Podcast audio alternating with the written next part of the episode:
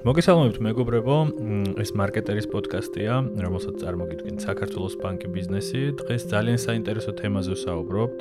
ეს თემა ეხება კაიზენს, მენეჯმენტის ფილოსოფიას, შეიძლება ითქვას და ჩვენი სტუმარია საქართველოსი კაიზენ ინსტიტუტის თანადამფუძნებელი ბატონი გიორგი ჯოხაძე. გიორგისთან ერთად ვეცდებით ვისაუბროთ ზოგადად რა არის კაიზენი და კიდე უფრო მნიშვნელოვნად, რომ ბევრი მენეჯერი გვისმენს, ბევრი კომპანიის მეპატრონე ისე თი კუთხიდან დავინახოთ, რომ მივხვდეთ გჭირდება თუ არა ეს ჩვენ ორგანიზაციაში, გვაქვს თუ არა ამის შესაძლებლობა. გიორგი, მოგესალმებით და მადლობა პირველ რიგში, რომ დღეს ასე მოიცალეთ ჩვენთვის. და სულ თავიდან რომ დავიწყოთ კაიზენზეც რომ მოგვიყვეთ და მე რა ეს ყველაფერი უკვე საქართველოსში როგორ შემოვიდა. მოგესალმებით, პირიქით თქვენ მადლობა ამ თემით დაინტერესებისთვის. იმ ცდისთვის რომ გავაცნოთ საზოგადოებას ეს მიდგომა და ეს ფილოსოფია. პრინციპში კაიზენი, კაიძენ, უფრო სწორად რო ვთქვათ, ორიგინალ ორიგინალიდან უფრო ესე სწორად ჟღერს, თუმცა იქიდან გამომდინარე რომ კაიზენ ინსტიტუტი საერთაშორისო ინსტიტუტია და იქ ენა მიღებულია რომ იყოს ინგლისური ძ სიტყვა ასო არ არსებობს და შესაბამისად არის კაიზენი კაიზენ ინსტიტუტი როგორც გითხარით ეს არის საერთაშორისო საკონსულტაციო ჯგუფი რომელიც სადღაც 30 წელიწადზე მეტი არაც არსებობს ოპრიოში 1983 წლიდან არის დაარსებული. მისი დამაარსებელია მასაკი იმაი და 70 ქვეყანაში ფაქტურად ყველა ბიზნეს სექტორში ვართ წარმოჩინებული. ისეთი კომპანიები როგორიც არის სიტყვაზე Siemens-ი, Bosch-ი, Walt Disney, Amazon-ი, Coca-Cola სიტყვაზე ამ ჩვენი გლობალური კლიენტები არიან და გარკვეულწილად ამ პროცესით და ამ მიდგომით იმართებიან იქნება ეს ლოჯისტიკა, იქნება ეს მენეჯერული მართვა, იქნება ეს ყოველდღიური მართვა თუ სხვადასხვა გაყიდვები თუ სხვადასხვა ეს ბიზნეს პროცესები. და თუ არ ვწდები ეს ყველაფერი ანუ საერთოდ კაიზენის მოძრაობა დაიწყო დაახლოებით მეორე მსოფლიო ომის შემდეგ, როდესაც Toyota-მ ეს გამოიყენა და ფილოსოფია გულისხმობს იმას, რომ ყოველდღიური პროცესები გამოსჯობესდეს და რაღაცა სულ მუდმივის წრაფვა უკეთესობისკენ. ანუ თქვენი სლოგანს კითხულობდი, ნუ ძალიან მომეწონა, რომ უკეთესი მსოფლიო ყველგან, ყოველდღე, ყოველგან, ყოველდღე. ეს უფრო მარტივად რო აღვიქვათ. ყოველ დღე თუნდაც 1%-ით, თუნდაც 9%-ით რაღაცა გაუმჯობესება რო გავაკეთოთ. ხო. და ოფისი, სახლი, ჩვენი ყოველდღიურობა აი ამ განახლებული ერთი პატარა წინწადგმული ნაბიჯით დავამთავროთ. აჰა. ეს დღე შემდეგ ახალი დღე. ისევ ერთი პატარა-პატარა ნაბიჯი წავიწიოთ და წარმოიდგინეთ ერთი წლის შემდეგ, რომ გადმოვიხედებით უკან რამხელა გზა გვექნება გავლილი. აი ეს არის მარტივად რომ აღვიქვათ თუ რას ნიშნავს ეს უკეთეს სოფლიო ყველგან ყოველდღე ყოველი ჩვენგანით. თან წარმოიდგინეთ რომ ამას ყველა გააკეთებს. ხო. აი მაქამდე მივალთ, ხო? დიახ, დიახ. ეხლა წარმოიდგინეთ რა მოხდა მ ამ მეორე მსოფლიო ომის შემდეგ იაპონიაში, რომელიც მანამდე იყო ესეთი ჩვეულებრივი ბჭყალებში განვითარებადი ქვეყანა, დიდი, მაგრამ განვითარებადი ქვეყანა. ამ დროს ესე ვთქვათ, ჰეგემონია, მეორე მსოფლიო ომამდე ჰეგემონია, ესე დასავლეთის ქვეყნებს ეკავა თავისი ძლავრი განვითარებული ეკონომიკი და ასე შემდეგ, მიუხედავად და მით უმეტეს დაემატა ამას მეორე მსოფლიო ომი. დაემატა ის, რომ იაპონია, ესე ვთქვათ, იბრძოდა დამარცხებულის მხარეს და შესაბამისად მიიღო დაქცეული ეკონომიკა, აა მიიღო ძალიან ცუდი ზავის პირობები, ხო? აა ამას დაუმატოთ ისეც რომ თვითონ ბუნებრივი რესურსებით იაპონია არ გამოირჩევა რაღაცა განსაკუთრებული პატარა ქვეყანა. დიახ, თული ადგილმდებარეობა. დიდარი ბუნებრივი რესურსებით და აი ამ ბუკეტში, ასე თქვა, ნეგატიურ ბუკეტში დაიწყო მან პოსტ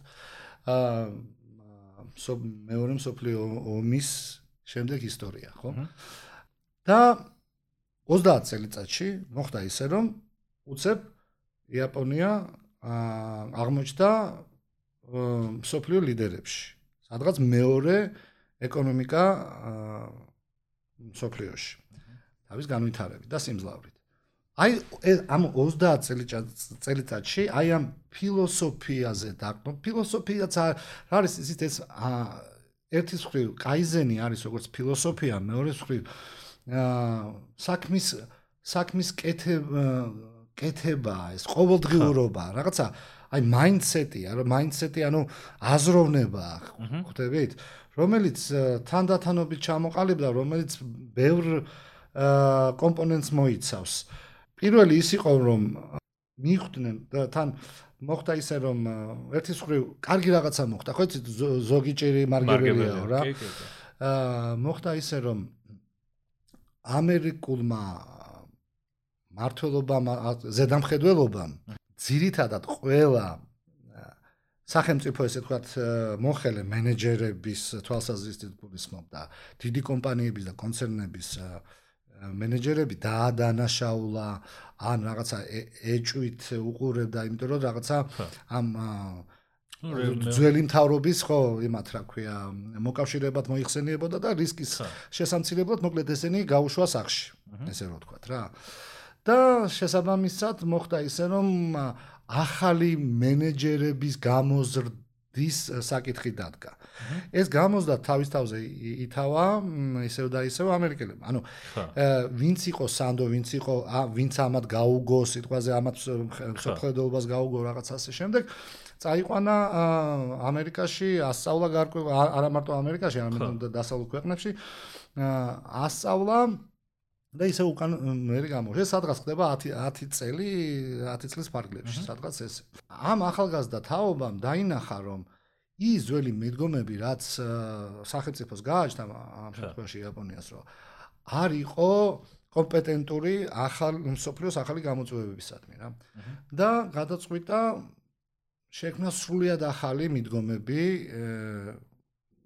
რომელიც რომელიც ხელშეუწყობდა ფირმას თუ სახელმწიფოს თუ თვითონ თავიანთ თავს რომ უფრო წარმატებული ყოფილიყვნენ და უფრო ესე ვთქვათ კონკურენტული ხო ფეხი შეეწყოთ მიმდინარე ცვლილებებისადმი და დაიწყო რაღაცა გარკვეული ამ გაერთიანებების ჩამოყალიბება, რაღაც გარკვეული ტრაქტატების, ბიზნეს ტრაქტატების და ფილოსოფიების ჩამოყალიბება და საბოლოო ჯამში მოხდა ისე, რომ სახელმწიფო მათ, იმიტომ სახელმწიფო მოხელეებშიც ასეთივე ხალხი იყო, გაერთიან და ჩათვალეთ მთელი სახელმწიფო და ამ ერთი მიზნისთვის, გძელვადიანი მიზანი, რაც მთავარია. აქ ჩამოყალიბდა ის, რომ გძელვადიანი ხედვა არის ერთ-ერთი გადამწყვეტი აქ, რომ გძელვადიანი ხედვით მთელი სახელმწიფო გარკვეული პრინციპების და ღირებულებების ღირებულებებით გაერთიანებული აა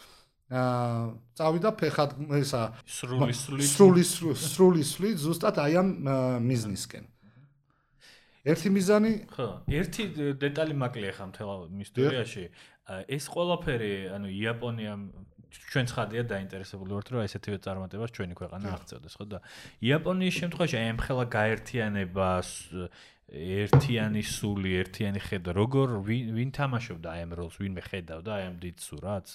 აი ამ პროცესში, ვინც ეუნებოდა, რომ ეს უნდა უქნათ, თუნდაც რაც ახალ მოყევით, რომ ძველი მენეჯერები არ გჭირდება, გამოვიყენოთ ახალი მენეჯერები, გაუშვათ სასწავლებლად ეს ხალხი სადღაც. რაღაცა ესეთი გამორჩეული ლიდერი, რომელიც რომელმაც ადგადა ამ ხალხს ხელი ჩახკიდა და წაიყვანა ნათელი მომავლისკენ, ესეთი არ იყო. თუმცა ესეთი ლიდერები ტაიჩი ონო სიტყვაზე ტოიოტას ერთ-ერთი გამოჩენილი სახე, ხო?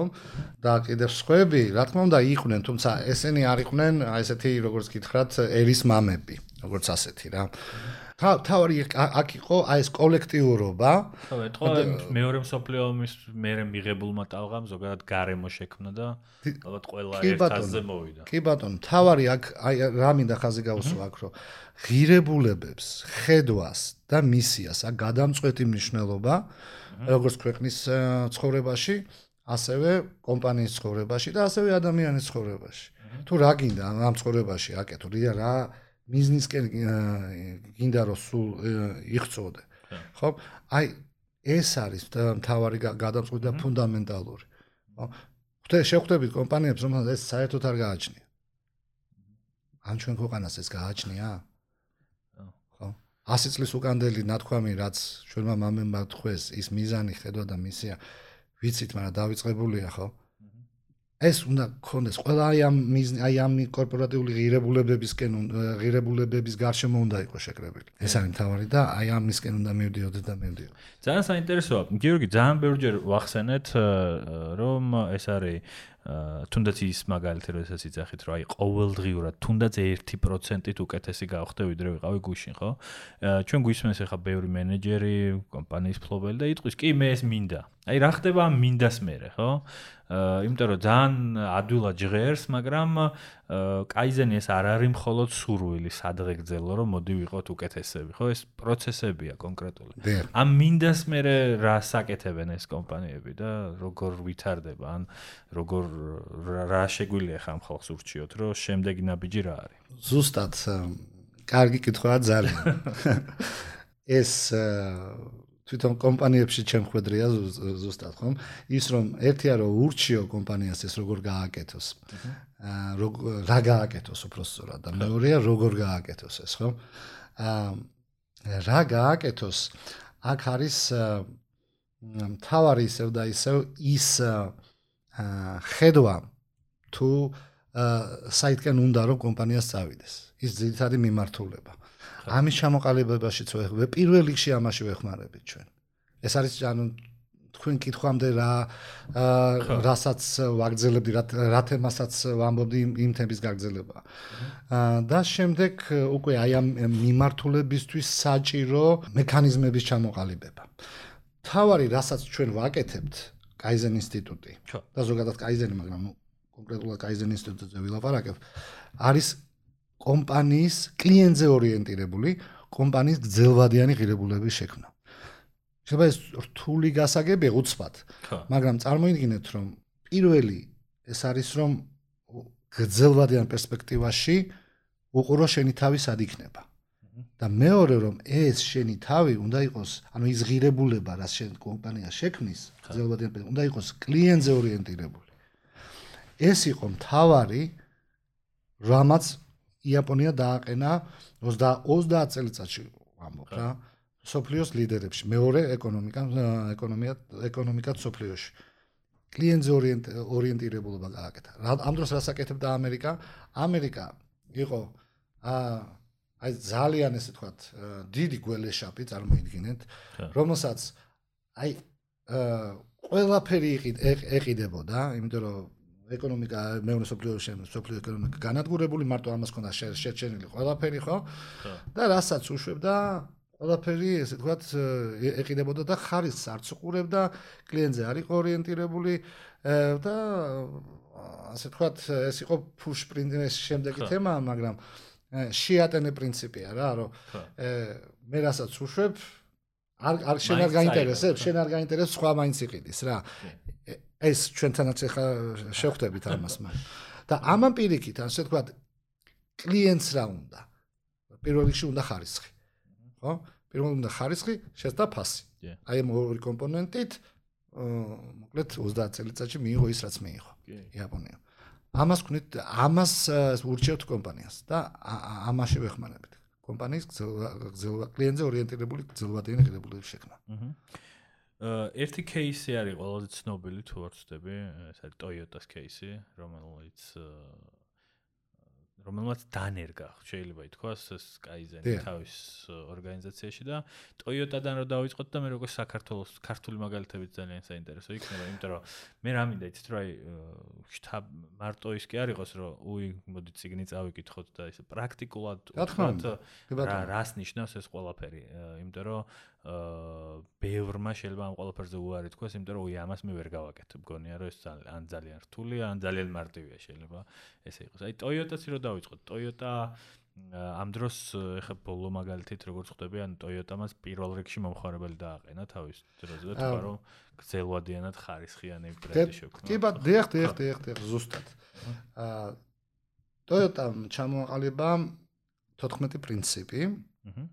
რომელიც ძალიან ძალიან ფუნდამენტალური პრინციპებია, რომელიც კაიზენს უდგას საფუძველში.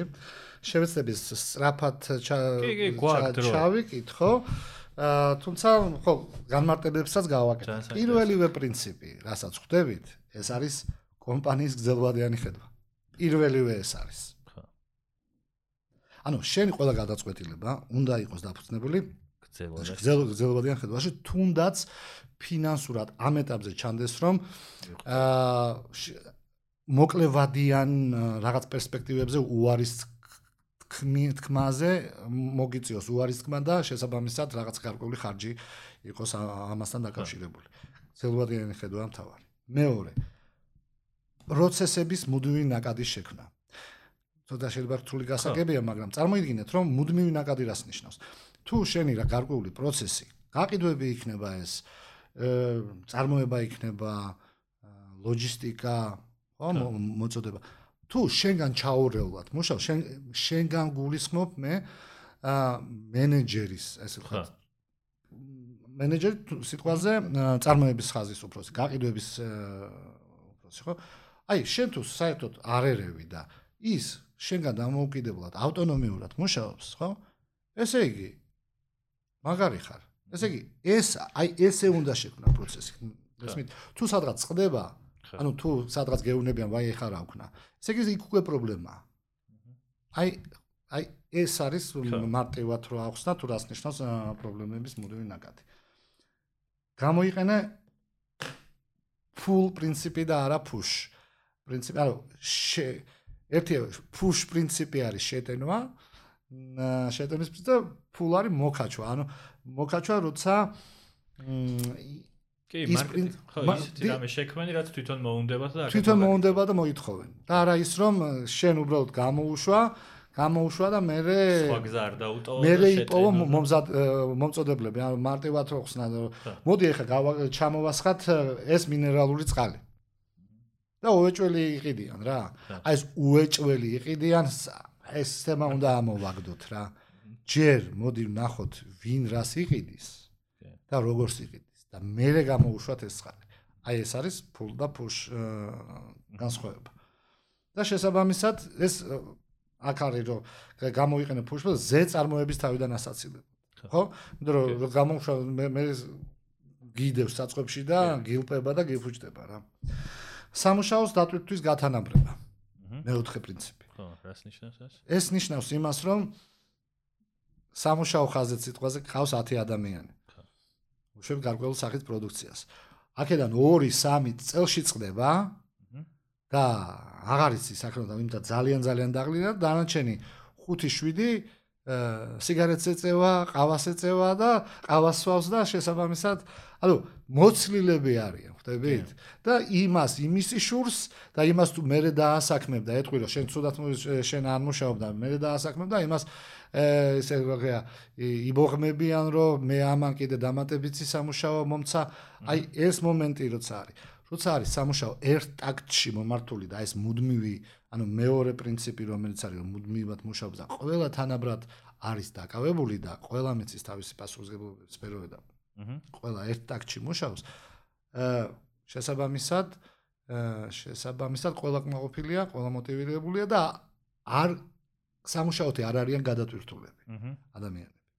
ანუ სწორად განაწილებდა. აქ ერთს დავამატებ ხშირად აი ამ Toyota-s მაგალითის გამო ბევრ ორგანიზაციას როგორც ვიცი ეგონა რომ Kaizen-ი მუშაობდა მარტო რაღაც საწარმო მდგომარეობაში და სინამდვილეში ანუ საკონსულტაციო ბიზნესშიც ან ინტელექტუალურ ბიზნესშიც თუ იმაში იქაც იგივე პრინციპები შეგვიძლია გამოვიყენოთ რომ ეს თანაბარი დატვირთულობა ყოველას. აი წარმოიდგინეთ ახლა რომ soft development-ის ფირმა გაქვს. დიახ. და იქ შენ დავალებული გაქვს ერთი თანამშრომლისთვის რაღაცა უმეტესი წილი რა გარკვეული პროექტის და დანარჩენები ამას უბრალოდ უყურებენ რა. რომ სანამ ეს არ დაამთავრებს რაღაცა გარკვეული ტიპის ერთი სამკვირიან სამუშაოს დანარჩენები ზიან და უყურებენ. გადაანაწილე პატარ-პატარა მოდულებად დაყავი და ისე გადაუნაწილე რომ ყველამ პარალელურ რეჟიმში აკეთოს ეს ეს თემები. ისე რომ ერთმანეთს ხელი არ შეუშალონ და მე რაღაც გარკვეულწილად ერთ პროდუქტი მიიღონ და ასე. სკრამი და ეჯაილი რომელიც არის კაიზენის ესე თქვათ ერთ-ერთი მიმდინარეობა, ხო? აი ეს soft development-ზე უფრო მეტად არის მორგებული რა. აა შემდეგი შეიმოშვა კულტურა გააჩერე და შეაკეთე. იმისათვის რომ აა შეინარჩუნო ხარისხი. აა შეიძლება ეს იყოს ჩვენთვის ძალიან პირველ რიგში ეს ამას ვეუბნებით ორგანიზაციაში თანამშრომლებს ცოტა ესე არიან რეზისტენტულად არიან ამაზე. ანუ წარმოიდგინეთ ახლა რომ ჩვენ უშვებთ საკვებს საკვებს და გველოდება სიტყვას დიდი სუპერმარკეტი.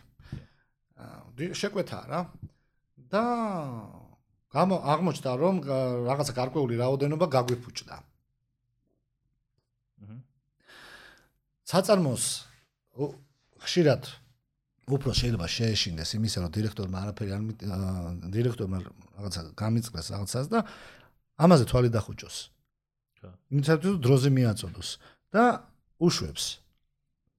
უშვებს ამ საქონელს, მთელ პარტიას. ამ მთელ პარტიაში 2-5% არა აქვს მნიშვნელობა, რაღაც გარკვეული რაოდენობა გაფუჭებულია. და საბოლოო ჯამში მომხმარებელი, შენი მომხმარებელი იღებს უხარისხო პროდუქტს. ეს არის ყველაზე ცუდი რაც შეიძლება მოხდეს ბიზნესში. იმ ხრივ რომ შენ ერთ-ერთი ყველაზე ცუდი ხე. ხო. აა შენ ამითი აა ზელვადიან პერსპექტივაში. რა თქმა უნდა. იმ მოხმარებელს კარგავ. ხვდებით? კარგავ ამ მომხმარებელს და შენ ანუ ამბობ რომ მე არ მაქვს იმის უფლება რომ შევაჩერო წარმოება, იმიტომ რომ შეკვეთები მაქვს, იმიტომ რომ ჩემი გეგმა მაქვს. არავითარ შემთხვევაში. პირიქით. გეგმა არის შენ ის რომ შენ გაუშვა მასთან ხარისხიანი პროდუქტი. რაც უფრო ადრეულ ეტაპზე იქნება აა დეფექტი აღმოჩენილი, ხომ? ეს გაცილებით უფრო ნაკლები ხარჯია კომპანიისთვის. თქო. და დეფექტის შეცდომები მოსულა ერთ-ერთი ცნობილი ესე თუ. პრობლემა არ არის რა, დეფექტები მოსულა. ყველამ უნდა შევიგნოთ ეს. უბრალოდ დროზე რაც შეიძლება ადრევე უნდა გავაჩეროთ ეს. ეს ეს თემა. და პასუხისგებლობა რომ იმიტომ რომ წაიღებს და ამჯერად შეიტენის ეს სუპერმარკეტი არ ნიშნავს რომ ჩვენ გავატაროთ ეს. აუცილებლად უნდა გაჩერდეს თელი წარმოება. უნდა გაჩერდეს, ეს უნდა აღმოიფხრას ეს და შემდეგ და იმასაც უნდა ესმოდეს იმ მომხმარებელს, მომხმარებელს კლიენტს, რომ მე შეიძლება დავაგვიანო, მაგრამ მე გარანტირებულად მე შენ მოგაწვი ხარისხიან პროდუქტს. აჰა. დანიშნულოვანი. დიახ.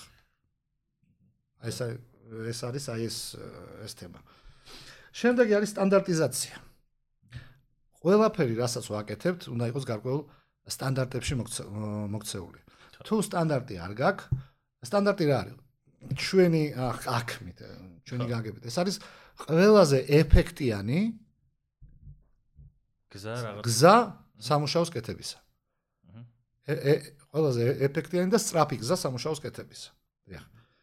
რომელსაც ისევ და ისევ შენ კი არ უწესებ, ასე ვთქვათ, მუშახელს თუ გუნდს ამ სტანდარტებს. პირიქით, ისინი გეუბნებიან ყველაზე ეფექტიანი და სწრაფი რომელია და იმას ასტანდარტებ.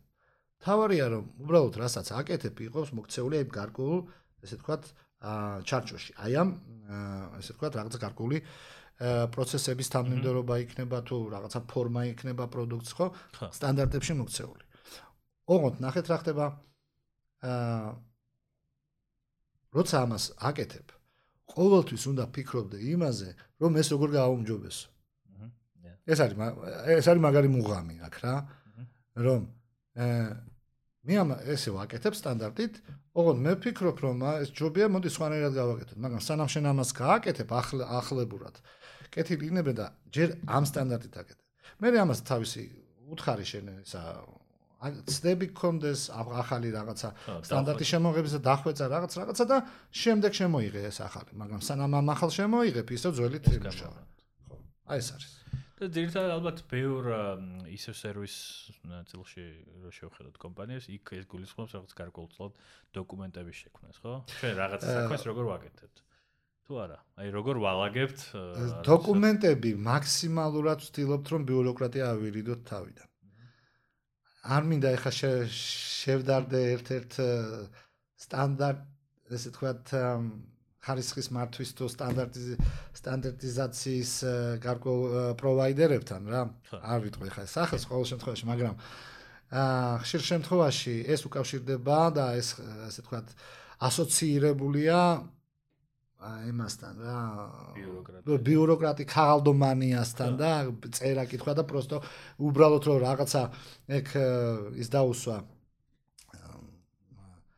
თიქ მონიშნა. რომ ეს მაქვს ეს სტანდარტები თითქოს მაქვს. სტანდარტები იმისათვის არის რომ შენ გამოიყენო და ამითი იმუშაო თორე იმისათვის კი არა რომ უბრალოდ ე იმისათვის კონდეს შენ რა ქვია სარეკლამო ბანერზე რომ მე სტანდარტ რაღაცა დანერგილი არავითარ შემთხვევაში სტანდარტი არის იმისათვის რომ შენ გამოიყენო და ამითი იმუშაო რა. მაქსიმალურად ნაკლები ქაღალდომანია ჩვენთან და არის რაღაცა სპეციალური რაღაც ფორმები, ერთგვერდიანი, რაღაცა ვიზუალური მართვის მექანიზმები, OPL სტანდარტი თუნდაც OPL one point lesson. სიტყვაზე ყავას როგორ ასხამ. ხო? რო ორი სურათით ამ მიაჭირი ამას ხელით ჩამოასყევა და ეს. აი ეს არის ეს თუ თუ გაქეს გაკრული, აი თუნდაც ყავის აპარატთან, ეს უკვე სტანდარტია. მორჩა, მეტი აღარაფერი აღარ მინდა, აღარ მინდა ცალკე დოკუმენტი. ხო, ამასაც გულისხმობდი, იმიტომ რომ განსაკუთრებით ბევრ ორგანიზაციაში რომელიც სწრაფად იზრდება, ეს სტანდარტების არარსებობა იწვევს, რომ ახალ-ახალი კულტურები რო შემოდის, იცი რა მე იმ ბანკში მუშაობდი, ისე ვაკეთებდი, მე იქ ვიყავი, ესე ვაკეთებდი. ეს რაღაცა არამაინც და მაინც დაწერა, არამედ სადღაც ვიღაცას მეხსიერებაში მაინც რო გააჩნდეს ან მე მე მაინც მომხრევა რაღაც ერთი პრეზენტაცია გქონდეს რომ უთხრა რომ ჩვენ არ ვიცი სტატიებს ასე ვწერთ პოდკასტებს ასე ვაკეთებთ. რა თქმა უნდა. ვიდრე ის მე ვიღაცა მოვიდეს და მე პოდკასტ ქუჩაში ვწერ სიტყვა ოღონდ ოღონდ ხვდებით ეს აუცილებელია ოღონდ ძალიან გასაგებენაზე გასაგებენ ვიზუალი მარტივად ახსაქმელი რო იყოს და დასამახსოვრებელი და რა იმიტომ რომ რაღაცა ხარისხი მოვიწყოთ ხა ამის კი ბატონო. ეხა მაგალითად სტანდარტიც არის ის და გაიდლაინები რომ აა ეს fast food-ის დიდი ფილმებს, ხო? აქ შეიძლება 300 და 1000 გვერდიანი გარკვეული რაღაცა ინსტრუქტაჟები, თუ როგორ უნდა მოიქცენ გარკვეულ სიტუაციას. ეს ეს ხო სტანდარტებია. შეიძლება ზედმეტი, რაღაც შეიძლება ზოგიერთ ზედმეტად მოეჩვენოს, მაგრამ ამითი ხალხი მუშაობს. ამითი არიან ესენი ცნობილები და ორგანიზაციები. სანდო გარკვეულწილად. რო ყველგან რო იცი რომ რა სტანდარტის მუშაობს, იმას მოე. სხვათა შორის ახლა რამდენად არ ვიცი, რამდენად ჩამეთვლება ეს რეკლამა თუ არა, მაგრამ ერთი ძალიან საინტერესო ფილმია The Founder ქვია. აჰა. 2016 წელს არის გადაღებული. The Founder. McDonald's ისტორია, ძალიან საინტერესო. სადაც ლინი ლინი, ანუ კაიზენი არის იქ მოხსენიებული. ეხლა როგორც კაიზენი და არა და როგორც ლინი, მაგრამ როგორ გააკეთეს თავიდან ეს კონცეფცია როგორ შექმნეს McDonald's. თვითონ რომ დადიან და ამ სტანდარტი. აი ეს არის, დიახ, დიახ, დიახ. ანუ ურჩევ ხალხს ჩვენს მენელებს რომ უყურონ ამ ფილმს. შემდეგი პრინციპი რა ქონდა? შემდეგი არის ვიზუალური მართვა. რა საინტერესო. მარტივია, ერთი სხვი, დაფები, თეთრი დაფები, სადაც შენი მიმდინარე პროცესები, მიმდინარე შედეგები არის ასახული. რაც არ უნდა მაგარი ERP, ERP სისტემა, ანუ ანგარიშგების სისტემა კონდეს, ხო? სანამ შენ კომპიუტერში ამას ნახავ, მონახავ და რაღაცა, ხო? მანამდე შეიძლება გარკვეული ეს ინფორმაცია და კომუნიკაციის საშუალება შე გაგექცეს. აა ხელიდან. მაგრამ როცა ეს გამოკრულია, აა ყველასათვის მისაწვდომია, ყველასათვის აა ისეთ ადგილას თვალსაჩინო ადგილას არის, ხომ? ყველა მიცის კომპანიის არსებული სიტუაცია, თან თავის ესე თქვა განყოფილებაში არსებული სიტუაცია, რა პრობლემებია, რა მიზნებია ამ კვირის ერთი თვის ერთი წლის გზელვადიანი ხო? როგორ აღწევენ ამას და თავის შედარებები, თავისი ამბები თან აქ არის ყოველდღიური შეხვედრების ერთ-ერთი ესე ჩვენი თემა, რომ ყოველდღიური შეხვედრების სტანდარტიზება, სადაც ამ დაფებთან ხდება ამის გახილვა და ინფორმაციის აპდეიტი. დაფები, დაფები, დაფები. ვიზუალური მენეჯმენტი. და ნუ ეხლა კოვიდის პირობებში ალბათ ეს შეიძლება იყოს რა Zoom-ში ჩვენება. კი ბატონო, Zoom-საც აქვს თეთრი დაფის ეს ვთქვა ვირტუალური თეთრი თეთრი დაფის ამბავი. კი. ეხლა გადავიდეთ შემდეგ პრინციპზე. გამოვიყენოთ მხოლოდ ნაცადი ტექნოლოგიები. ხო, ეს ძალიან საინტერესოა, რას ნიშნავს? რას ნიშნავს და მაგალითი. ერთ-ერთ კომპანიაში სადაც მე კაიზენამდე ცხოვრებაში ესე თქვა მოღვაწეობდი. აა აგრო სამრეწველო ესე თქვათ ფირმა იყო აგროსფეროში. შევუკვეთეთ ჯონ დირის უახლესი სასოფლო სამეურნეო ტექნიკა, თავის კომბაინები, ტრაქტორები. ძალიან მაგათაი ისე რომ ძღოლიც არ ჭირდებოდა რა. თავის. ხო, ერთხელ კვალში ჩადგებოდით, თავის დაიმახსოვრებდა და მე თავისი დადიოდა ეს უზარმაზარი ტრაქტორი და რაღაც ეგეთი ცენი იყო რა. აა მოკლედ და ჩამოვიტანეთ ეს ტექნიკა ძალიან საკმაოდ დიდი დიდი ინვესტიცია ჩადგა. აღმოჩნდა რომ აქ ტექ მოსახურება არ არის. ვინ უნდა დაждდეს ამაზე? არის ანუ კი ვინ ვიცოდით ვინ უნდა დამჯდარიყო, მაგრამ სპეციალისტები არისო, როგორ ეტარებინათ, რა უნდა გაეკეთებინათ, როგორ და აღერიცხა, ტექ სერვისი არისო, როგორ დაექო კარგად. ანუ მოკლედ ხო, ანუ სუპორტი არისო ტექნიკური არანაირი. ვიღაც ერთ-ერთმა კომპანიამ აიღო ამის, ასე ვთქვათ, ამ წარმომადგენლობის უფლება, მოკლედ იმად, ოდ სანამ თვითონაც ერკვეოდნენ. გაერკვეოდნენ, გადაუღებდნენ ამას ვიდეოებს, გაუგზავნდნენ ორი კვირა ველოდებოდით სანამ იქ რაღაც პასუხი მოიწერო. ხვდებით რა ხდება? აი ეს არის გამოიწენ გამოიყენ ნაცადი ტექნოლოგიები. მარტივად. ამიტომ გამოიყენე ის ჯერჯერობით რაც ესე ვთქვათ ნაცადი ადგილზე და შემდეგ განავითარე რა. შემდეგ განავითარე. კი, ჩამოიტანე 1 2 და არა მთლიანად ყველაფერი ერთბას რაც ეს. შემდეგი არის ძალიან საინტერესო ლიდერების გაზდა. ანუ ისეთი ადამიანების გაზდა, რომელსაც ესმით შენი და რომელ რომელსაც გუნდი წაყვება. რომელსაც თვითონაც შეუძლია შემდეგ ეს შენი ესე თქვა ხედვა შენი მიდგომები სხვებსაც ასწავლოს. ხო, აქ არის განსხვავება, ნახეთ.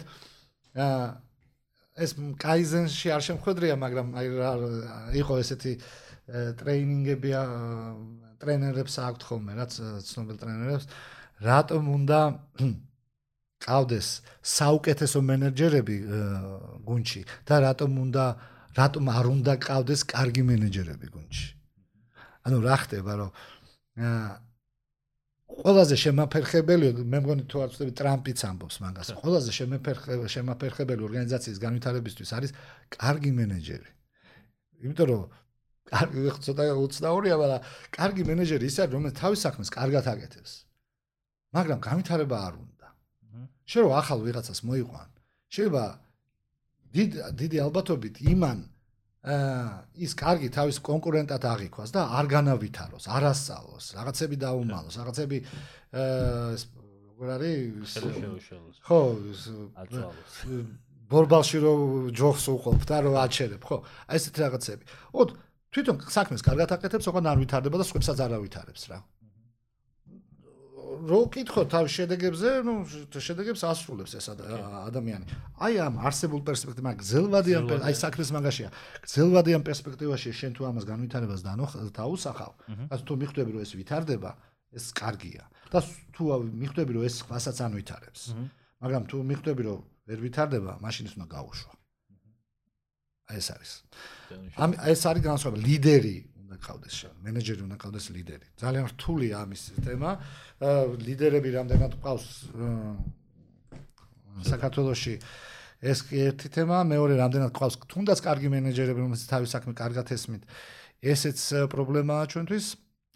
სამწუხაროდ, მაგრამ ეს არის ერთ-ერთი ფუნდამენტალური, რაზეც უნდა ფიქრობდეთ ფიქრობდეთ ფიქრობდეს კომპანია, დიახ.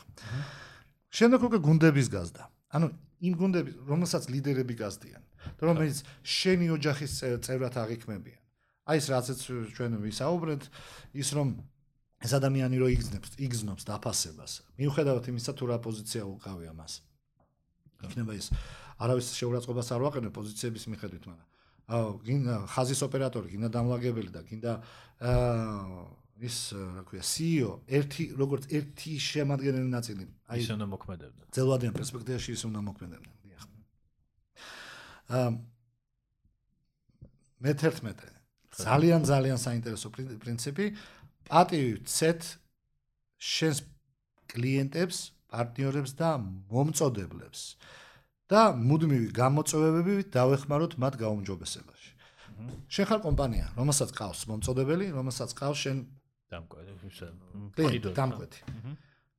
თუ წარმოიდგინეთ მარტო შენ ესე ვთქვათ, კაიზენ, კაიზენერი ვერ იქნები.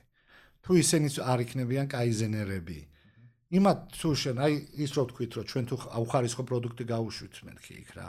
ხო თუ მე ეს უხარისხო პროდუქტი ვერ დავიჭირე და მივიღე ეს ნიშნავს მე პრობლემა მაქვს ანუ ვერ აღმო აღმოვაჩინე და მივიღე ეს ნიშნავს რომ პრობლემა მაქვს თუ მე იმას არ ვასწავლე რომ უხარისხო პროდუქტი არ გამოუშვა ჩემთან ხო ესე იგი მე პრობლემა მაქვს იმასთან დაკავშირებით რომ მე ამას შეიძლება ეს გამიმეოროს და გამიმეოროს და კიდე გამიუარეს. გზელვადიან პერსპექტივაზე ვლაპარაკობ ისევ და ისევ. და კლიენტი. კლიენტმაც აა უნდა მიხვდეს რომ მისთვის ის არის ჩემთვის ძალიან ძალიან მნიშვნელოვანი, უნიშნულოვანეს. და ის რომ შეიძლება დაუგვიანო მას პროდუქტი, მაგრამ ხარისხიანი მივაწოდო, ესეც ამ ფილოსოფიის შემადგენელი ნაწილია. ანუ ამ გამოწვევებით ცხოვრობს ეს ბიზნესი ეს ეს სამივე სამი ერთმანეთს ეს სამკუთხედი ერთმანეთთან არის დაკავშირებული გარკვეული ღირებულებებით რა. რომელიც არის ხარისხი რომელიც არის დროულობა რომელიც არის ადამიან ადამიანთა პატივისცემა რომელიც ძალიან მნიშვნელოვანი. დიახ თუ სწორად მახსოვს თუ სწორად გავიხსენებ სიტყვაზე აი ამ ფილოსოფიაში როცა შენ სიტყვაზე რაღაცა აი stakeholder-ები რასაც გვიათ, ხო, ჩართული ჩართული მხარეები. დიახ. ჩართული მხარეები პირველ რიგში არის კლიენტი. მეორე რიგში არის მომწოდებელი, მესამე არის თანამშრომელი, მეოთხე არის ბიუჯეტი. აჰა, საბიუჯეტო ორგანიზაციებთან და მეხუთე არის მხოლოდ პარტნიორები, დამფუძნებლები. ხვდებით? კი. ის კი არა პირველი პარტნიორი და ანუ თუ მე მოგება არ მაქვს მე რა ვქნა. ანუ ჯერ მე უნდა წავიღო ფული და დანარჩენები ბიუჯეტი არა პირველი კლიენტია მე მომწოდებელი აი ესე მოდის რა ალბათ გაგვახსენდა ახლა კონკრეტული ორგანიზაციები რომელიც თავის მომწოდებლებს რა ხო თუ არ უნდა და კიდე ეს თუ არ უნდა და სხვას ნახავ ხო? ხო. აი ეს არის ძალიან ძალიან ცუდი ნუ ალბათ მაინც თავი და თავი ამათაც ძალიან სწორად აქვს ჩამოყალიბებული არის გრძელვადიანი ხედვის არ არსებობა რა. ალბათ მაინც აქედან იწყება რა ეს რო არ აქვს მე რეგონიათ დღევანდელობით თუ დღეს მე რა ხვალ ხოს ნახავდა აა ჩვენ საერთოდ აპოლიტიკურები ვართ ვცდილობთ ვიყოთ აპოლიტიკურები უბრალოდ ერთს ვიტყვი არანაირი იმის რაღაცა გარკვეული აქეთ იქით გადასვლის გარეშე. როცა ქვეყანა არჩევნებიდან არჩევნებამდე ცხოვრობს ხო გზელვადიანი ხედვა იქ გამორიცხულია. დებით როცა გვექნება ეს რომ მიუხედავად პარტიისა, მიუხედავად იქ ხო, მიმართულები, მიუხედავად ამ შედეგებისა, მე მაქვს ერთი მიზანი რა და ერთი ღირებულებები, всё. და მთელი მთელი ერი მივდივართ აი ამ ამ გზით. მაშინ ყველაფერი კარგად იქნება. აი ეს ყველაფერი მე წამოვა და წამოვა. ეს აზრი ექნება. გძელოდენ თუ დაგიქოს. და შენ ბოლო პრინციპი ალბათ თუ მიდი ნახე მიდი ნახე ადგილზე რომ ანუ ადგილზე მენეჯერების ჩართულობა. ამი მისვლა სიტუაციის დათვალიერება და ის კი არა რომ კაბინეტიდან ბრძანებების გაცემა. არა ყოველ კვირა თუნდაც შემოვლა ნახვა სიტუაციის, გასაუბრება ოპერატორებთან და ამაზე პრობლემებს საუბარი და პრობლემის გადაწყვეტა ადგილზე.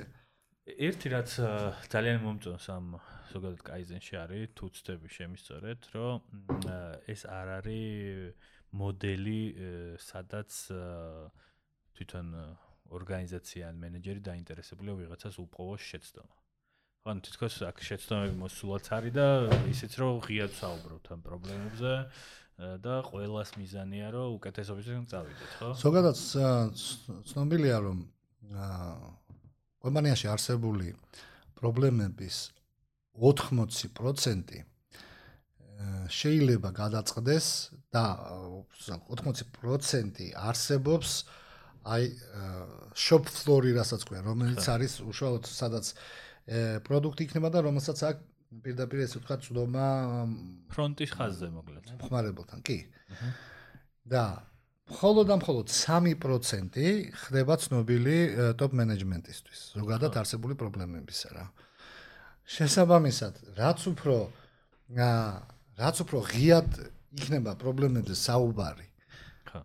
ოპერატორების თავისი, ესე ვთქვა, გუნდის უფროსთან. გუნდის უფროს ჯგუფის უფროსთან. ჯგუფის უფროს ესე ვთქვათ, უფრო ზედადონეზე, სიტყვაზე საუბარი და მიმღებლობაც. საუბარი, ერთი საუბარი და მეორე მენეჯერების მიმღებლობა და პირიქით ის რომ რაც უფრო მეტ პრობლემაზე იქნება ყურადღება გამახვილებული და მონიტორინგი ამისი დეტრაფებთან ყოველდღიურად, ყოველკვირეულად, ყოველთვიურად.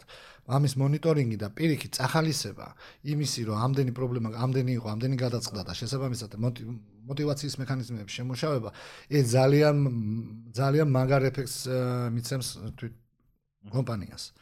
პრობლემები არ უნდა დამალო. ეს არის გაცილება ეს არის ძიდი ფუნდამენტალური განსხვავება ტრადიციულ მენეჯმენტს და ამ კაიზენო ლინო მენეჯმენტს. აქვე ხას გავუსმენ რომ არ გითქვი აქამდე რომ დასავლეთ დასავლეთის სამყაროში კაიზენ მეთოდოლოგია ცნობილია როგორც ლინ მართვის ლინ მენეჯმენტ დად ასე ვთქვათ რა ამ ამ ცნებით არის ცნობილი. აა აგრეთვე განსხვავება არის ის რომ თავარი ასე ვთქვათ ფუნდამენტალური არის management of support არის ლინური კაიზენური მართვა და მიდგომა. ანუ ხარდაჭერის მართვა. იდეები განვითარების და გაუნჯობესების მოდის თანამშრომლებისგან. შენ უბრალოდ ამას ახორციელებ. სახალისებას უკეთებ და შენ აი ამ იდეებიდან გამომდინარე იმ შენი სტრატეგიული მიზანი რაც არის იმასკენ როგორ უნდა მიმართო მათი გაუმჯობესების იდეები ამაზე ხარ. ამაზე ხარ ესე თქვათ კონცენტრირებული. შენ არ ხარ ჩართული როგორც მენეჯერი არ ხარ ჩართული ყოველდღიურ კომპანიის მართვაში არავითარ შემთხვევაში.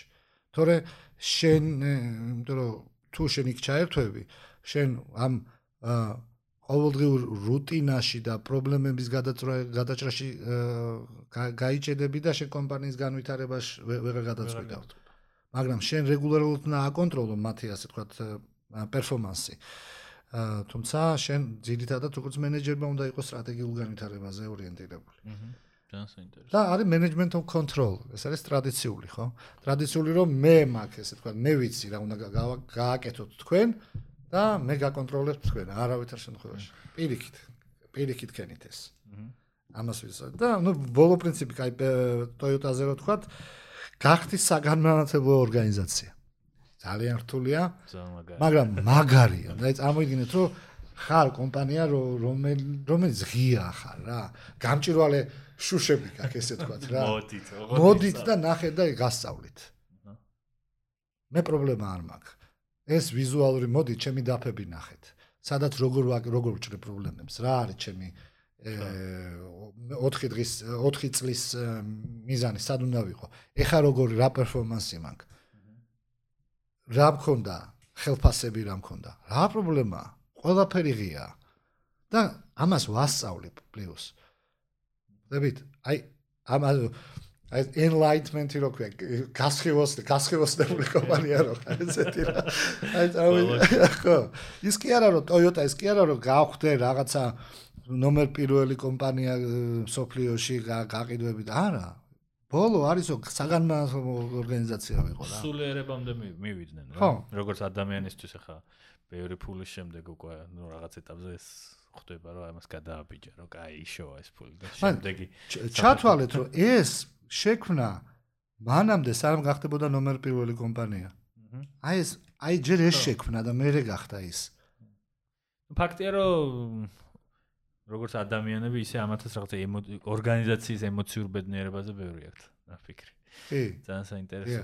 და ნელ-ნელა ბოლოსკენ და წავიდეთ ქართული თქვენ ძალიან აქტიურად მუშაობთ ქართულ ბაზარზეც. აა ატარებთ არაერთ სემინარს, ტრეინინგს, ორგანიზაციებს ეხმარებით და ქართულ მაგალითებს რომელიც შეგიძლიათ გაგვიზიაროთ როგორ მოხდა მათთან კაიზენის კულტურის დანერგვა, იმიტომ რომ ჩვენც რაღაც გვაქვს ამ ამბავს გვინდა რომ მენეჯმენტები ორგანიზაციაში თუნდაც რაიმე არა მხოლოდ რაღაცა ფილოსოფიას ებუძნებოდეს რაღაცას და ეს არ იყოს მართლა კონტროლის მენეჯმენტი რომელზეც სხვათა შორის ძალიან ხალხურად თუ მე ბევრ მენეჯერს ვესაუბრები და ბოლოს მეც მქონია ეგეთ შემთხვევა, რა იცი რა, ხო, ნუ რა ვქნათ ახლა საქართველოა და მაშინ მიაწექი ამ კონტროლის მენეჯმენტს, რომ უბრალოდ კადრებს დიან, რომ ის იმას აკონტროლებს, ის იმას უყურებს კამერაში, ხედავს რაღაცა.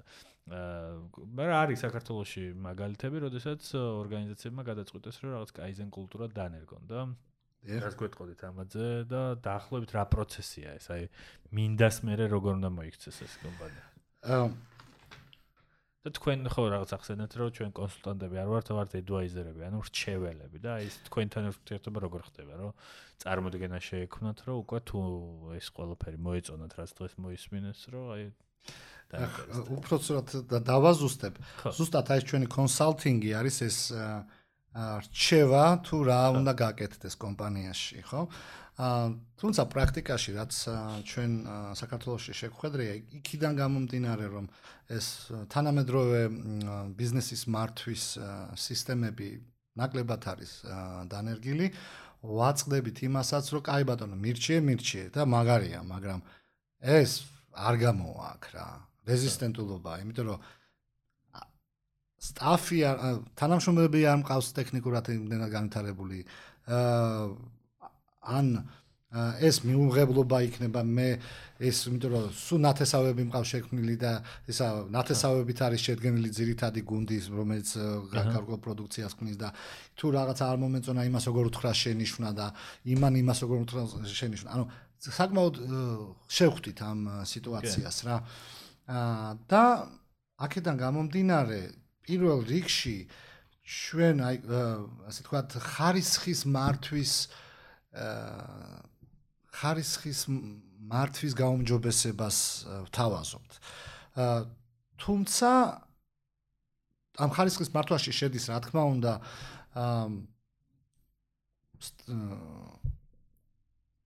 ის რომ ძელვადიან პერსპექტივაზე თავდაპირველად ვიყოთ ჩამოყალიბებული და კომპანიის კორპორატიული ღირებულებების სწორი განსაზღვრა იყოს და შემდეგ ძელვადიან პერსპექტივა, თუმცა მართვის ხარისხი ყოველდღიურად და რეგულარულად როგორ უნდა მართონ კომპანია აი ამას თავაზობთ რომ ეს ეს ეს დავნეგოთ პირველ რიგში.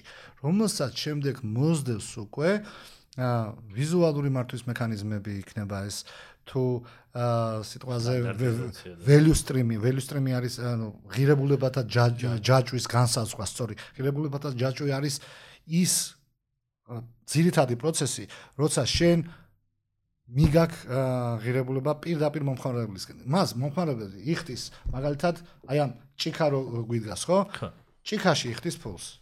სულ არ აინტერესებს იქ შენი ბუღალტერია როგორია, იურისტი ვინ ყავს იქ, HR-ული პროცესები, საერთოდ არ აინტერესებს. ის იხდის, შეუკვეთა ეს ჭიქა და რაც უფრო მალე მიაწვდი, მით უფრო კარგი. აჰა. ხო? და აი მხოლოდ აი ეს ეს ეს პროცესი, აი ეს პროცესი როგორ იქნება კომპანიაში. რამდენად ოპტიმიზირებულია და აი ეს შემდეგ უკვე გადავდივართ უკვე ამ დეტალებში ნელ-ნელა ნელ-ნელა. ხო ხო ხო თქვით რომ ყოველდღე თითო-თითო პროცესის გაუმჯობესებით. თუმცა თავიდან პირველ 5-7 დღეში მთლიან სურათს ვაჩვენებთ, რომელიც ერთის ხრი შოკის. შოკის მომგვრე შოკის ეფექტი რომ არა ბევრი რაღაცა ქონია სიტყვაზე გასაუმჯობესებელი მაგრამ მეორე მხრივ მე იმაში შეიძლება ეს მოხდეს რომ აუ ამდენია გასაკეთებელი და მაგას როგორ გავაკეთებ ნელ-ნელა ნელ-ნელა. თან თქვენით არის ეს გასაკეთებელი რა. აი ეს დაიმახსოვრეთ. ჩვენო ძვირფასო მსმენელებო ყველაფერი აი თქვენშია რა. თქვენშია დამოკიდ თქვენში დევს გაუნჯობესების იდეები. თავრე გაიხს გაეხსნათ ამ ახალ ცოდნას. ინგლისურად ამ ტერმინს რაღაც ესეთი მეცნიერული თუ ფილოსოფიური acceptance of ignorance. ანუ მე ვიცი რომ არაფერი არ ვიცი. აი ესე შეხედეთ ამ ყველაფერს და გაიხსენით ამ ახალ აა ცოდნას და იმას რომ რაღაცა ტრანსფორმაცია ტრანსფორმაციას ყოველდღე ახალ-ახალი პატარ-პატარა ნაბიჯებით იარეთ გზელვადიანი პერსპექტივისკენ კლიენტზე ორიენტირებულ გზელვადიან პერსპექტივას. მაგალითად, ერთ მაგალითს მოვიყვან, ხო? აა ვახსენებ ჩვენ ძვირფას კომპანია Ezos აა რომელიც ცოტა ხნის უკან კორონას გამო დაკეტილი იყო და ეხლა უკვე მე მგონი შეიძლება უკვე გახსნილები არიან და ამას ულოცავ. ეს არის აა რესტორანი ღია ტიპის იტალიური ეზოს ვარიანტი ესეთი რესტორანი ძველი ცნობილი დარწმუნებული ყოველთვის. დიახ, დიახ, დიახ და ჩვენამდე კაიზენ სანამ ჩვენ გაგვიცნობდნენ, მანამდე თვითონ დამფუძნებელი მა დამფუძნებელი გაეცნო ამ ფილოსოფიას ჩვენგან დამოუკიდებლად და მოკლედ გადაირია. აა დაიკითხა 1-2 წიგნი, მე მივიდა აღფრთოვანებული თავის ფორმებით, რაღაცებით, ციგნებით თავის რესტორანში და თანამშრომლებსაც უთხრა, რომ ხვალიდან თუ რა ვიცი, ერთი თვის შემდეგ მოკლედ ამას გაეცანი და ვიწყებთ ამ ფილოსოფიით თუ ამ მეთოდოლოგიით მუშაობას. და თავიდან იფიქრეს ამ ხალხ ხალხმა თანამშრომლებმა რომ ახლა რა Toyota და რა ისე საბურავები და რა რესტორანიო ხო სულ გაგიჟდაო ჩვენი დამფუძნებელიო მაგრამ მე ნელა ნელა მიხვდნენ რომ ეს მართლაც განსაკუთრებით ისე მენეჯმენტი მიხვდა რომ ეს მართლა აუცილებელია იმ ხრივ რომ ღირებულებ უნიკალურ ღირებულებას ქნის იმ ღირებულებას რომელსაც თუ სწორად მიაწოდე ეს ღირებულება შენ მომხმარებელს პირიქით აღარ დაკარგავ შენ იმ მომხმარებელს. უფრო მეტი მოვა და მოვა. შენთან. ის რომ სწორად იცოდე თუ შენი მომხმარებელი რამდენად გაფასებს შენ ის რომ სწორად იცოდე შენ რამდენად შენი თანამშრომელი გაფასებს შენ და რამდენად ხედავს თავის თავს ამ შენი კომპანიის განვითარებაში აი ამაში ჩამოყალიბდა ჩვენი ეზო. და ამაში მე ჩვენ დავეხმარეთ იმიტომ რომ რო ნახარ უკვე მე ჩვენს გნახა და ძალიან დიდი ენთუზიაზმით მოვიდა ჩვენთან და ერთი ძალიან საინტერესო პროექტი გავაკეთეთ. თან ჩვენი ევრო EBRD დაგვეხმარა ამ პროექტის განვითარებაში. მანაც მიიღო თანა და თანა დააფინანსა ეს პროექტი და მოკლედ აი სწორი ღირებულებების, სწორი პროცესების ჩამოყალიბებაში. ავეხმარეთ. თვითონ სამზარეულოს მოწყობის პრინციპი ცალკე ესე ვთქვათ თემა არამატო სამუშაო სივრცის მოწყობი 5S ქვია ამ თემას რომელიც lean management-ის ერთ-ერთი ნაწილია. სტანდარტიზირება სორტირება სორტირება სისტემატიზაცია სისუფთავე სტანდარტიზირება სრულყოფა. ესეც გადავთარგმნით რა. ხო და მოკლედ უნიკალურად მართლა სამაგალითო სამზარეულო აქვს რა. მართლა იქ შეიძლება რომ სამზარეულო ცოტა ცოტა კიდე და შეიძლება საგანმანათლებლო ორგანიზაციაც იყვნენ იმ ხრივ რომ სხვა რესტორნების წარმომადგენლები მოვიდნენ და როგორ არის მოწყობილი სამზარეულო და როგორ მუშაობს და როგორი პრინციპებია ისენიც ვაჩვენოთ რა.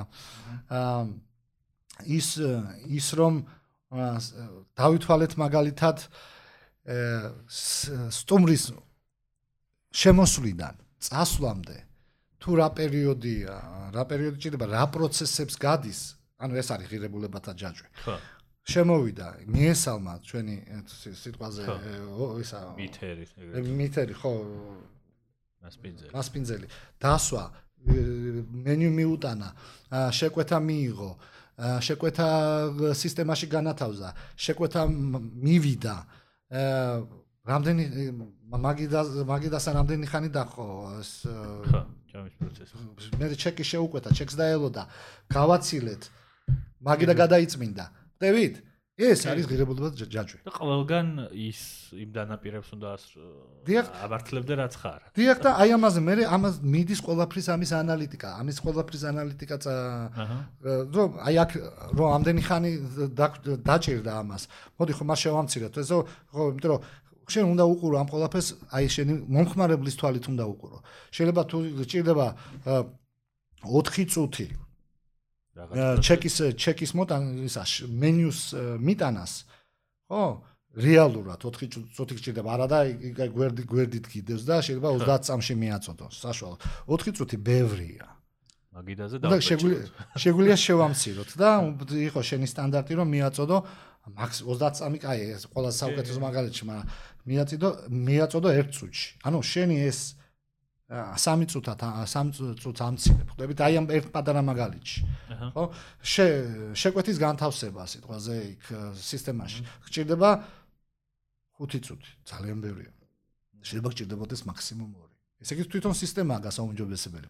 შეიძლება პოსტერმინალზე რომელსაც შეყავს კლავიშებია გასადიდებელი და შესაბამისად რაღაცნაირად სხვანაირად არის კონფიგურირებული. აი ყველაფერში ეძიებ. დიახ და ეს ყველაფერი, ყველაფერი ხას გაუსმენ, როგორც ვაკეთებ. თავარია ყველაფერი მონაცემებზე დაყნობით იყოს. მონაცემებზე დაყნობით ვლაპარაკობთ. შედეგებზეც, პრობლემებზეც, ღირებულებათა ჯაჭვზეც, თანამშრომელთა კმაყოფილებაზე და მომხმარებელს კმაყოფილებაზე. ყველაფერი შედეგები, გაზომვადი, რეგულარული შეხვედრები და ამის ასე თქვათ ვიზუალიზაცია და ამის განახლება, განახლება. და ბოლოს თუ არ ვწდები ძალიან დიდ თავისუფლებას აძლევს უშუალოდ კაიზენი თანამშრომლებს და მათ ეუბნება თითქოს რომ შენ პრობლემები ადგილზე გადაწყვიტე, ხო? რაღაც დემოკრატიული. დიახ, ზუსტად, აი ეს თქვი ესეც ვახსენეთ ეს თემა. თავარი აქ ავტონომიურ ხარისხს ვეძახით ჩვენ ამას, იმას რომ სიტყვაზე უბრალოდ ამ პრობლემების კუთხითაც ვისაუბრებ ამაზე. შენი გუნდი რომელიც არის, ხო? რომელიც შედგება სტანდარტულ 5-8 კაცისგან, გააჩნია კომპანიას რა. დიდი გუნდები არ არის რეკომენდირებული 5-8 კაციან გუნდს, რომელიც ერთ ერთ სამშაოს ასრულებს, ესე ვთქვათ. და ეს თავის ჯგუფის გუნდის ხელმძღვანელი. რომელიც არიან პასუხისგებელი თავიანთ ამ სფეროში, თავის მოღვაწეობის სფეროში.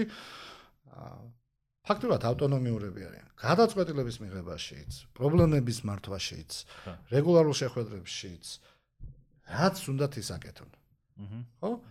ყოველდღიურად უნდა შეხვდნენ ერთი რაც ესე ვთქვათ მოთხოვნა, სტანდარტიზირებული მოთხოვნა, თავიანთი პერფორმანსით, თავის აი ყველა თავის ამ გუნდს აქვს თავის დაფა. წარმოიდგინე. ყველა გუნდს აქვს თავის დაფა. სადაც ამათი რეზულტატები იქ არის გამოსახული და ყოველდღიურად ახდება. ყოველკვირეულ. შემდეგ ეს გუნდები რო არა და ეს პრობლემებსაც თვითონ წვითავენ მე პრობლემა თუ რაღაც პრობლემაა რომელიც არის პარეტოს პრინციპია 80-20-ზე ხო. 80% შიგნით გადაწყება 20% თუ ვერ გადაწყდება ხო ის 80% გამოდის და ჯგუფ ეს გუნდის ლიდერი განიხილავს ასეთივე ჯგუფის გუნდების ლიდერებთან ერთად. მაგას უკვე თქვია ჯგუფების ასე თქვა აჰა გუნდების ლიდერების ჯგუფების ლიდერებში გაით ჯგუფების გადა რომელსაც თავისი ხელმძღვანელი ყავს. ამ პრობლემებს წვითავენ ესენი ამ 20%. იმ 20%-ის 80% შიგნით წდება, 20% ხო ზემოთ ამოდის. ის ზემოთ უკვე middle, ასე ვთქვათ, შუა დონის მენეჯერებთან წდება ეს ეს თემა. და აქაც ალბათ აქაც ზემოთ ამოდის და ეს აი ეს პრინციპია პრობლემები. თავარია პრობლემები სწორად დაინახო და სწორად შეაფასო. პრობლემას ვეძებთ არა როგორც დაახლოებით ექიმების და დიაგნოსტიკის ამბავში რა. ვეძებთ არა მარტო პრობლემას როგორც აცეს და ეფექტს კი არ კურნალ, კურნალ გამომწვევ მიზენს. ხო, ანუ ხო, ეგზამენში. გამომწვევ მიზეს ვეძებთ. და ამას დიახ, ოდ ეს გამომწვევი მიზეზი, რა თქმა უნდა, აქაც არის მონაცემებზე დაყნობით რა. რომელიც თუ აქამდე თქვათ, შევდივართ კომპანიაში და არა აქ თქვათ, თუნდაც დეფექტები აქვთ რა. ნუ ანუ რაღაცა წუნს უშვებენ რა. ან წუნია იგივე მაგალითად რომ აა შეკვეთები, რაღაც პროექტები, რაც სამშენებლო კომპანია. და დეფექტია ის, რომ სულ უგვიანებენ ობიექტის ჩაბარებას რა. ხო? უგვიანებენ ობიექტის ჩაბარებას. ეს სხვა დეფექტია. ამის გამომწვევი და რას ნიშნავს სულ უგვიანებ? სულ შეიძლება იყოს აა 100-დან 100. ანა თუ 100-დან 50 ეს სულ აღარ არის, ხო? ოღონდ როცა თქვა გაბრაზებული მენეჯერი გეუბნება შენ რომ შენ სულ იგვიანებ სამსახურში. და არა და შეიძლება თვეში ერთხელ დაიგვიანე რაღაცა ნაბახულსევსე იყავი, ხო? და და და აი ეს როცა მონაცემები დაგნობით ლაპარაკობ, უკვე სხვანაირად მიდის საუბარი რა. სხვანაირად და ეს მონაცემების ანალიტიკად მე ცალკე თემა, ეს ცალკე მიმართულება გვაქვს, რომელიც ცალკე პროდუქტი გვაქვს რაღაცა ესე შემდეგ. და რამოდენიმე ჯერ თქვი რომ ბოლო კითხვა თქო, მაგრამ ეს ნამდვილად ბოლოა. აა ისე მსმენელს რომ წარმოქმნა შეექმნას, თქვენი როლი ამ ყველაფერში არის რომ თავიდან ეხმარებით, სწორგზაზე შეაყენეთ, მაგრამ გრძელვადაში ეს ორგანიზაცია თუნდაც ახლა ეზორო ავიღოთ. თქვენზე, ანუ საკონსულტაციო კომპანიაზე, ინსტიტუტზე დამოკიდებული ხდება თუ მე თვითონ უნდა აიღოს ის პასუხისგებლობა, რომ ეს კულტურა მე ავრცელოს და აა ხო, ძალიან კარგი კითხვაა. აა ჩვენ გვაქვს ცალკე ესე თქვათ მომსახურება რომელსაც support kaizen-ს ვეძახით, რომელსაც სიტყვაზე ჩვენი პროექტის დამ ძირითადი პროექტის დამთავრების შემდეგ მაგალითად სამ თვეში ერთხელ მივალთ და რაღაც გარკვეული ჩვენი იმითი ხო ჩეკს გავუკეთებთ და აუში და აუდიტს რა რა მოხდა როგორ მოხდა. თუმცა მეგობრებო არ არ გახდეთ დამოკიდებულები არანაირ საკონსულტაციო კომპანიაზე ერთ-ერთი მთავარი პრინციპი რომელიც არის და განსხვავება ჩოულებრივ და ლინურ ორგანიზაციას შორის ჩოულებრივი ამბობს რომ ექსპერტები წყვეტავენ პრობლემებსო და ლინური ორგანიზაცია ამბობს რომ ყველა წყვეტავს პრობლემას. ანუ თანამშრომლ ისე უნდა იყოს იქ გაკეთებული რომ თანამშრომლების დონეზე თვითონ acceptance of ignorance. როს თქვენ უკვე უნდა ისწავლოთ ის რომ თქვენით გადაწყვეტოთ ეს პრობლემები და თქვენით უნდა იაროთ ავტონომიურად იმ ძირითად მიზნისკენ რომელსაც შეიძლება ჩვენ დაგეხმაროთ და შეგიხმაროთ. მაგრამ ყოველ შემთხვევაში თქვენ უნდა იაროთ, თქვენ უნდა იაროთ მანდ. გასაგებია. ძალიან დიდი მადლობა გიორგი, მადლობა რომ გაგვიზიარეთ. თქვენ დიდი მადლობა. მიუხედავად იმისა, რომ შეზღუდულ დროში ვიყავით, მე მგონი ბევრი რამ მოვასწარეთ და ალბათ ბევრ ადამიანს კიდევ უფრო დააინტერესებს ახლა ეს ფილოსოფია და მეც წაიკითხავს მოგმართავთ გამოიყენებს ამ შესაძლებლობას, იმიტომ რომ თლად ყველა ქვეყანას არ აქვს ის შესაძლებლობა, რომ კაიზენ ინსტიტუტის წარმომადგენლობა რო კონდეს ქვეყანაში. აა მე კი მსმენელს შევახსენებ, რომ დღეს საუბრობდით კაიზენზე, მენეჯმენტის ფილოსოფიაზე, რომელმაც სათავე იაპონიაში აიღო და ეს ხალხი აქტიურად ცდილობს, რომ ეს კარგი გამოცდილება ყველას გაუზიარონ, ასწავლონ, მისცენ შესაძლებლობა, რომ საკუთარ ორგანიზაციებში დანერგონ. ჩვენი სტუმარი იყო გიორგი ჯოხაძე, კაიზენ ინსტიტუტის საქართველოს თანადამფუძნებელი. მომავალ შეხვედრამდე. მე კი შეგახსენებთ, რომ მარკეტერის პოდკასტს წარმოგიდგენთ საქართველოს ბანკი ბიზნესი. დიდი მადლობა და გავაუმჯობესოთ სოფლიო ყოველდღე ყოველი ჩვენგანით და ყველგან. დიდი მადლობა.